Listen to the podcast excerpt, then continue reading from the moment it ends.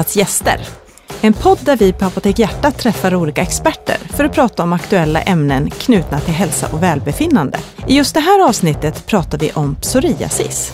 Hjärtats gäster med Annika Svedberg, chefsapotekare på Apotek Hjärtat och hudspecialisten Anders Ljungberg.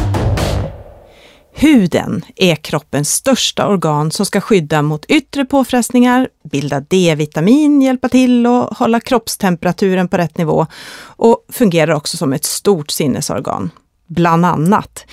Det är inte konstigt att vi eh, mår dåligt när huden drabbas av olika typer av problem och sjukdomar. Idag har vi bjudit in Anders Ljungberg för att prata mer om psoriasis, en sjukdom som eh, drabbar ganska många faktiskt. Eh, Anders har en lång erfarenhet av psoriasis efter att ha arbetat som behandlingsläkare på Psoriasisföreningens behandlingsanläggningar i 25 år. Och dessutom arbetar han nu sedan 10 år tillbaka som medicinsk rådgivare inom läkemedelsindustrin med så kallade biologiska läkemedel. Välkommen till Hjärtas gäster, Anders! Mm, stort tack! Vi kan väl börja med att reda ut vad psoriasis faktiskt är. Det har ju, många pratar ju om det som en hudsjukdom, men egentligen så kanske det är en autoimmun sjukdom, eller hur säger man nu? Mm. Man säger att psoriasis är en av Sveriges vanligaste folksjukdomar, så man räknar med att ungefär 2-3 procent av Sveriges befolkning har psoriasis. Och det motsvarar ungefär 250 000. Och det är ungefär lika mycket som invånarantalet i Malmö, så det är många i Sverige som är drabbade. Man, tidigare sa man att psoriasis var bara så kallat en hudsjukdom, men numera säger man att det är en systemsjukdom. Det innebär att det inte bara är huden som drabbas utan även de inre organen kan av sin psoriasis, av den här kroniska inflammationen i huden, få påverkan och skador. Och det man ser oftast är till exempel ledbesvär, ökad risk för övervikt, högt blodtryck, rubbad blodfettsprofil, ångest och depression. Mm. Så det är mycket annat än huden som drabbas med andra ord? Precis. Finns det olika grader av psoriasis? Mm. Man brukar ofta dela in psoriasis i mild psoriasis, medelsvår och svår. Och de allra flesta de har en, en mild psoriasis. Och när man pratar om mild psoriasis brukar man räkna in hur, hur stor yta är drabbad av huden. Så man brukar säga att ungefär hälften av alla som har psoriasis, där kan man få in själva fläckarna i en handflata och det motsvarar ungefär 1 procent av hudytan. Och sen kanske totalt sett så är det ungefär kanske 70% som har en lindrig psoriasis upp till tre handflator. 20% har medelsvår och ungefär 10% har en svår psoriasis. Och det innebär ungefär mer än 10% av kroppsytan som är drabbad av psoriasis. Mm. Och var någonstans på kroppen är det vanligast att man får de här utslagen? Psoriasis kan i princip sitta var som helst på kroppen men många brukar debutera med psoriasis i hårbotten. Så det är ett vanligt ställe, så alla som får psoriasis är det kanske en, en tredjedel eller hälften som börjar få utslag i hårbotten. Ibland kan det vara ganska diffust initialt och man tror kanske att det är mjälleksem eller någonting annat innan det riktigt visar sig vara psoriasis.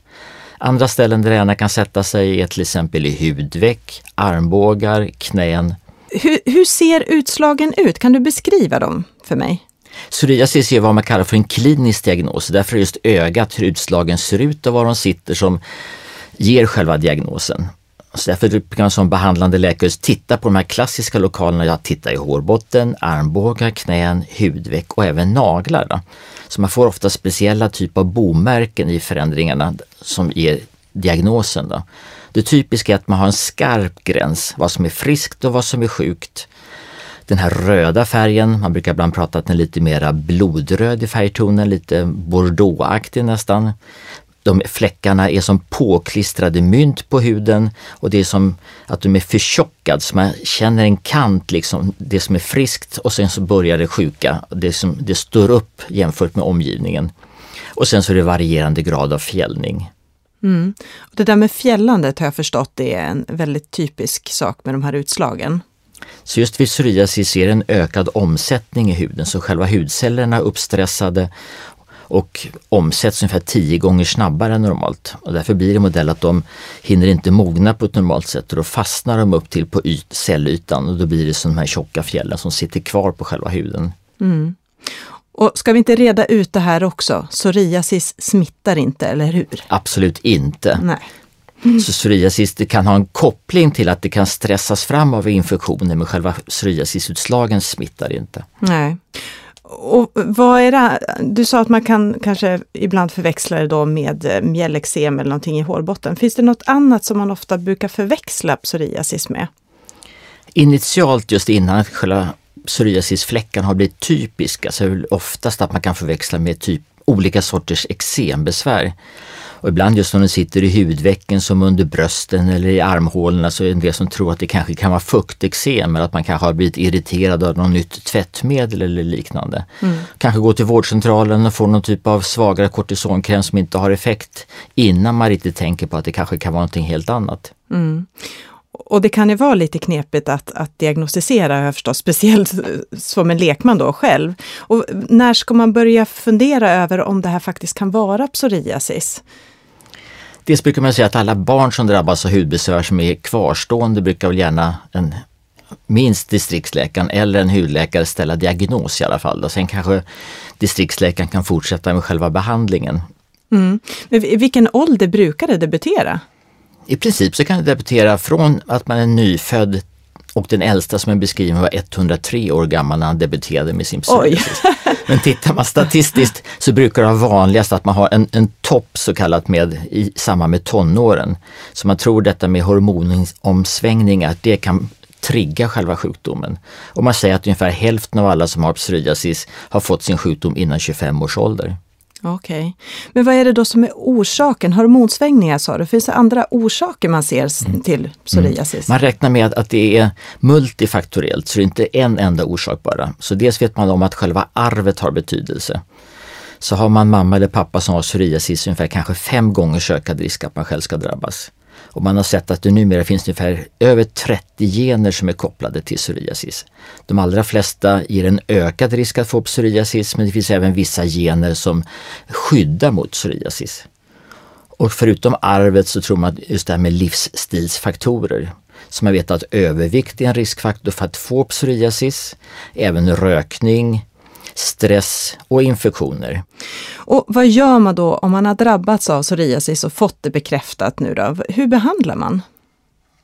Många gånger är att man besväras av klåda i själva utslagen. Så bara sån så enkel sak att använda någon typ av mjukgörande kräm underlättar oftast att det lindrar själva klådan och även hjälper till att avfjälla själva hudbesvären. Och har man för mycket fjäll så blir det ungefär som att hälla vatten på en gås, det som det rinner av. Så man behöver bli av med fjällen först om man ska använda en aktiv kräm. Och de krämer man brukar använda som första behandlingsstrategi är oftast antingen någon starkare kortisonkräm eller att man använder en, en sorts D-vitaminsalva. Det här är krämer som man behöver recept på så därför behöver man söka till läkare och få utskrivet läkemedel. Mm. Så det är det här man ofta börjar med då när man har fått en psoriasis? Ja, behandling av psoriasis har traditionellt varit att man pratar om en behandlingstrappa. Så att man brukar börja med lokalbehandling, fungerar inte det så trappar man upp till behandlingen och det blir oftast ljusbehandling med det man kallar för kortvågigt ultraviolett ljus. Det som heter UVB. Fungerar inte det kommer man över på tablettbehandling och fungerar inte det så brukar man använda de här nya, det man säger biologiska läkemedel i form av sprutor. Mm. Och det har ju blivit mer och mer vanligt nu sista decenniet att man faktiskt använder biologiska läkemedel. Och vad är det de gör egentligen, de här nyare läkemedlen? I samband med att man vet bättre själva orsaken som ligger bakom psoriasis så pratar man om en autoimmun sjukdom. Och autoimmun sjukdom det betyder att kroppens immunsystem är överaktiverat. Och immunsystemet består av vita blodkroppar som ska hålla oss eh, friska och eh, försvara oss mot inkräktare i form av bakterier och virus. Men ibland som sagt så upplever kroppen att huden är, ett, är främmande även fast det tillhör oss själva och då får man som en rebellarmé av vita blodkroppar som ska ut i huden och kriga. Även fast de inte har någon fiende i huden och då kan man få psoriasis. Så därför gäller det modell att mer eller mindre effektivt försöka bromsa den här rebellarmén och det kan man göra på olika sätt. Och de här nya biologiska läkemedlen gör att man sen stänger av deras mobiltelefoni. Kan man det låter intressant. Säga. så, så då har de nya läkemedlen lite grann beroende på att ju mer man känner till de här äh, rebellerna så vet man vilken mobiltelefoni de använder och då kan de mer och mer selektivt stänga av bara just deras mobiltelefoni och låta andra vita blodkroppar som fortfarande har en funktion i kroppen vara kvar och oförstörda. Ja, just det. Spännande. Hur många är det som, eh, som får hjälp? Alltså hur, för, först och främst, hur pass allvarlig ska psoriasisen vara innan man sätter in den här typen av läkemedel? Man kan väl säga att ofta gör man ju en medicinsk bedömning av de patienter som är drabbade av psoriasis. och då väger man in både den medicinska utbredningen av själva sjukdomen, man tar hänsyn till om det sitter på dumma ställen så kallat, man kanske mycket på händerna, man har svårt att arbeta, man kanske har ledbesvär som också gör samma sak att man får det svårt att klara sin dagliga situation. Så det vägs in i den medicinska helhetsbedömningen och sen dessutom mer och mer i diskussion angående livskvaliteten. Då. Så man gör en, en bedömning utifrån både livskvalitet och medicinsk helhetsbedömning och då sätter man in den som är bäst behandling för varje enskild patient. Så är det i drömfallet. Då.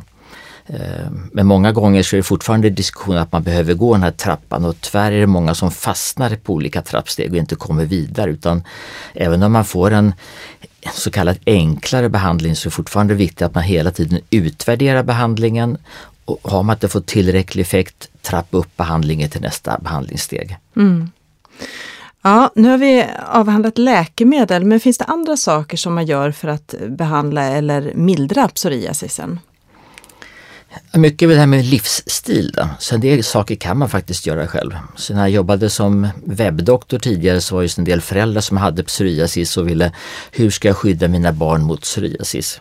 Och det genetiska arvet är ju inte så lätt att skydda emot men däremot vet man ju om, som sagt som jag sa förut, att övervikt och rökning är två riskfaktorer som faktiskt ökar risken för psoriasis. Mm. Som så mycket och, och det kan man faktiskt aktivt förhindra så kallat eller att försöka klara sig ifrån att börja röka. Mm, kanske extra viktigt då om man har eh, en, eh, en psoriasis i släkten. Som ja, absolut. har lite ökad risk att utveckla. Men hur är det med solen och kosten? Är det någonting som är viktigt att tänka på? Solen är ju många som tycker om att de blir bättre sommartid. Det har man ju sett sedan lång tid tillbaka. Man räknar med att ungefär kanske 80 procent av de som har psoriasis, de har en gynnsam effekt av solen. De märker att de blir bättre sommartid, de kanske beställer solresor borta under vinterhalvåret för att hålla sin psoriasis i schack. Sen finns det ungefär 15% som inte märker någon skillnad alls. Och sen till och med 5% som man brukar säga är ljuskänslig psoriasis. Som till och med blir sämre av sin psoriasis, sämre i sin psoriasis. Mm. Så vet man om att man blir sämre i sin psoriasis i samband med sommarsol eller utlandssemester så ska man ju inte gå på ljusbehandling eller utsätta sig för sol utan då får man ta det lite lugnt istället. Mm. Kan man göra någonting när det gäller kosten? Kosten har diskuterats mycket och det har väl diskuterat som sagt. Vad som mm. finns mer vetenskapligt fog för det är modellat det här med fiskfetter, det man kallar för omega-3 fettsyror. Det har en lugnande förmåga på såväl hudpsoriasis som ledbesvär. Mm. Sen finns det lite gamla italienska undersökningar där man har sett att eh, det här med röda grönsaker som morötter och paprika och nypon kan ha en lugnande förmåga på psoriasis. Så det tror man det här med lykopenerna som finns har en viss antiinflammatorisk effekt. I annat fall så brukar jag säga att man får äta i princip vad som helst om man har psoriasis. Mm. Eh, vad skulle du säga, du som har träffat så många patienter med psoriasis nu genom åren, vad är det som man lider mest av när det gäller sjukdomen? Jag tror, vad är det jobbigaste? Ja, jag tror att många tycker själva, dels själva utslagen som sådant, att man har fysiska besvär av psoriasis. Dels själva med klådan, man har fjällningen, oftast att det gör ont i huden, det kan blöda och det kan spricka. Sen blir det oftast det här med stigmatisering då, att många drar sig undan, tycker det är jobbigt, vill inte gå på badhus, lider av att det syns på händerna, man vill inte visa fram händerna i samband med att man kanske går till affären. Och sen så är det många som tycker att själva behandlingen är jobbig. Då. Dels att använda en fet salva som är fet som vaselin, man ska smörja in sig kanske två gånger per dag. Man känner sig hela tiden kladdig, kläderna fastnar i huden. Det känns grisigt och besvärligt och, även, och går man på ljusbehandling till exempel så kan det ta lång tid att komma dit. Även fast själva ljusbehandlingen kanske bara tar några minuter så ska man i alla fall åka bil till själva ljusanläggningen, byta om, kanske behöver duscha innan och sen så allt trassel. Alltså det, det är tidskrävande för många patienter. Mm. Mm. Är det så att man, eh, när man väl har fått psoriasis så blir man inte av med det? Eller finns det den typen av psoriasis som man får och sen så blir man av med den? Mm. Man kan väl säga att ofta de som har en lindrigare psoriasis, där har man märkt att vissa patienter kan bli av med sin psoriasis av sig själv så kallat, antingen med behandling eller att det läker ut av sig själv och kan hålla sig borta i flera år och sen komma tillbaka. Däremot har man med det man kallar för medelsvår till svår psoriasis, det som vi pratade förut om, att man kanske har mer än 10% av kroppsytan som är täckt av psoriasis. Finns det en del undersökningar som talar för att, att besvären är i princip kroniska och ska man bli bättre i sin psoriasis eller bli utläkt så behöver man aktiv medicinsk behandling i form av tabletter eller de här nya biologiska läkemedlen. Mm. Men det finns alltså betydligt bättre behandlingsformer idag än vad det fanns för sig 20-30 år sedan? Så har det skett en stor utveckling de senaste tio åren när de nya biologiska läkemedlen kom. Och de första biologiska läkemedlen de kom ju via behandling av ledgångsreumatism och så såg man att de här även hade effekt på psoriasis. Men de som har kommit de senaste åren, de är specialframtagna bara för psoriasis. Du nämnde problem med lederna här. Hur vanligt är det och hänger det alltså ihop med psoriasissjukdomen? Redan i slutet på 1800-talet så noterar man att psoriasis hade en ökad risk för ledbesvär. Men det var först kanske på 50-60-talet man kunde särskilja psoriasis artrit, alltså ledbesvären vid psoriasis jämfört med äkta ledgångsreumatism. Så det är två helt skilda sjukdomar. Man räknar med att de som har psoriasis, där är uppåt kanske 30 procent som får varierande grad av ledbesvär. Så det klassiska är att man först får sin hudpsoriasis och sen efter kanske 9-10 år så brukar ledbesvären debutera. Många gånger i början så kan det vara sån här flyktig ledvärk, man kanske får ont i en handled och så går det över så man har ont i ett knä och sen en axel. Och är lite mer sällsynt så får man mer en, en symmetrisk, alltså en, en eh, ledbesvär som ofta sitter i små leder som är händer och fötter. Ja. Om man då har drabbats av ledbesvär, eh, psoriasis artrit, funkar de här biologiska läkemedlen mot det också? Absolut. Har man ledbesvär så brukar det oftast vara en diskussion mellan både hudläkare och reumatologer. Och tyvärr blir det modell att man ibland kan fastna mitt emellan. Så är det hudbesvären som är det värst, då brukar hudläkaren ta hand om patienten. Men däremot är det ledbesvären som är värre så brukar det vara reumatologen som tar hand om ledbesvären. Och just ledbesvären brukar svara mycket bra på de här nya biologiska läkemedlen. Så det är en, en inte fördel, men det kan vara ett, ett alternativ just om man har både besvärlig hud och ledbesvär, att man använder just de här nyare preparaten. Mm. Ja, men Anders, var kan man nu få bra hjälp då om man har psoriasis? Många gånger att första instans är många gånger vårdcentralen. Då. Just för att få hjälp de som har lindrig psoriasis så behöver kanske utskriva med kräm och salver. Sen naturligtvis kan man även få hjälp Hjälpapoteket. De kan ganska mycket kring just det här med mjukgörande krämer och veta vilken som kan vara bäst just för dig. Och många gånger så finns det kanske inte ett, ett speciellt preparat utan man får pröva sig fram lite grann. Alltså vissa vill ha lite fetare salva, vissa vill ha en mindre fet och kanske vissa ska dofta lite grann och vissa ska inte dofta alls. Då. Sen för just patienter som har barn med psoriasis så finns det ju Psoriasisförbundet i Sverige som en övergripande organisation som kan hjälpa till.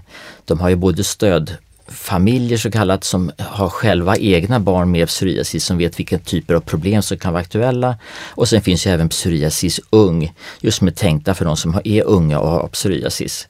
De ordnar även både utlandsresor och även sommarläger i Sverige så kan vara bra att veta om. Mm. Jag kan tänka mig att det kan vara skönt att få kontakt med andra som är i samma situation. Speciellt när man då är, är ung och upplever det som lite jobbigt. Absolut. Mm. Och Psoriasisförbundet är förstås till för vuxna också. Det är många som, som uppskattar Absolut. sånt stöd i vardagen. Mm. Och sen är det ju modell, har man en svårare psoriasis så är det egentligen tänkt att hudläkare ska sköta behandlingen. Antingen som privat hudläkare eller via hudklinik. Mm. Vad bra, så det finns, det finns, kan vi konkludera då, både bra hjälpinstanser, både vården, apoteket och, och patientföreningar, Psoriasisförbundet. Och så finns det faktiskt idag bättre hjälp med läkemedel, bättre typer av läkemedelsbehandlingar än vad det har funnits tidigare.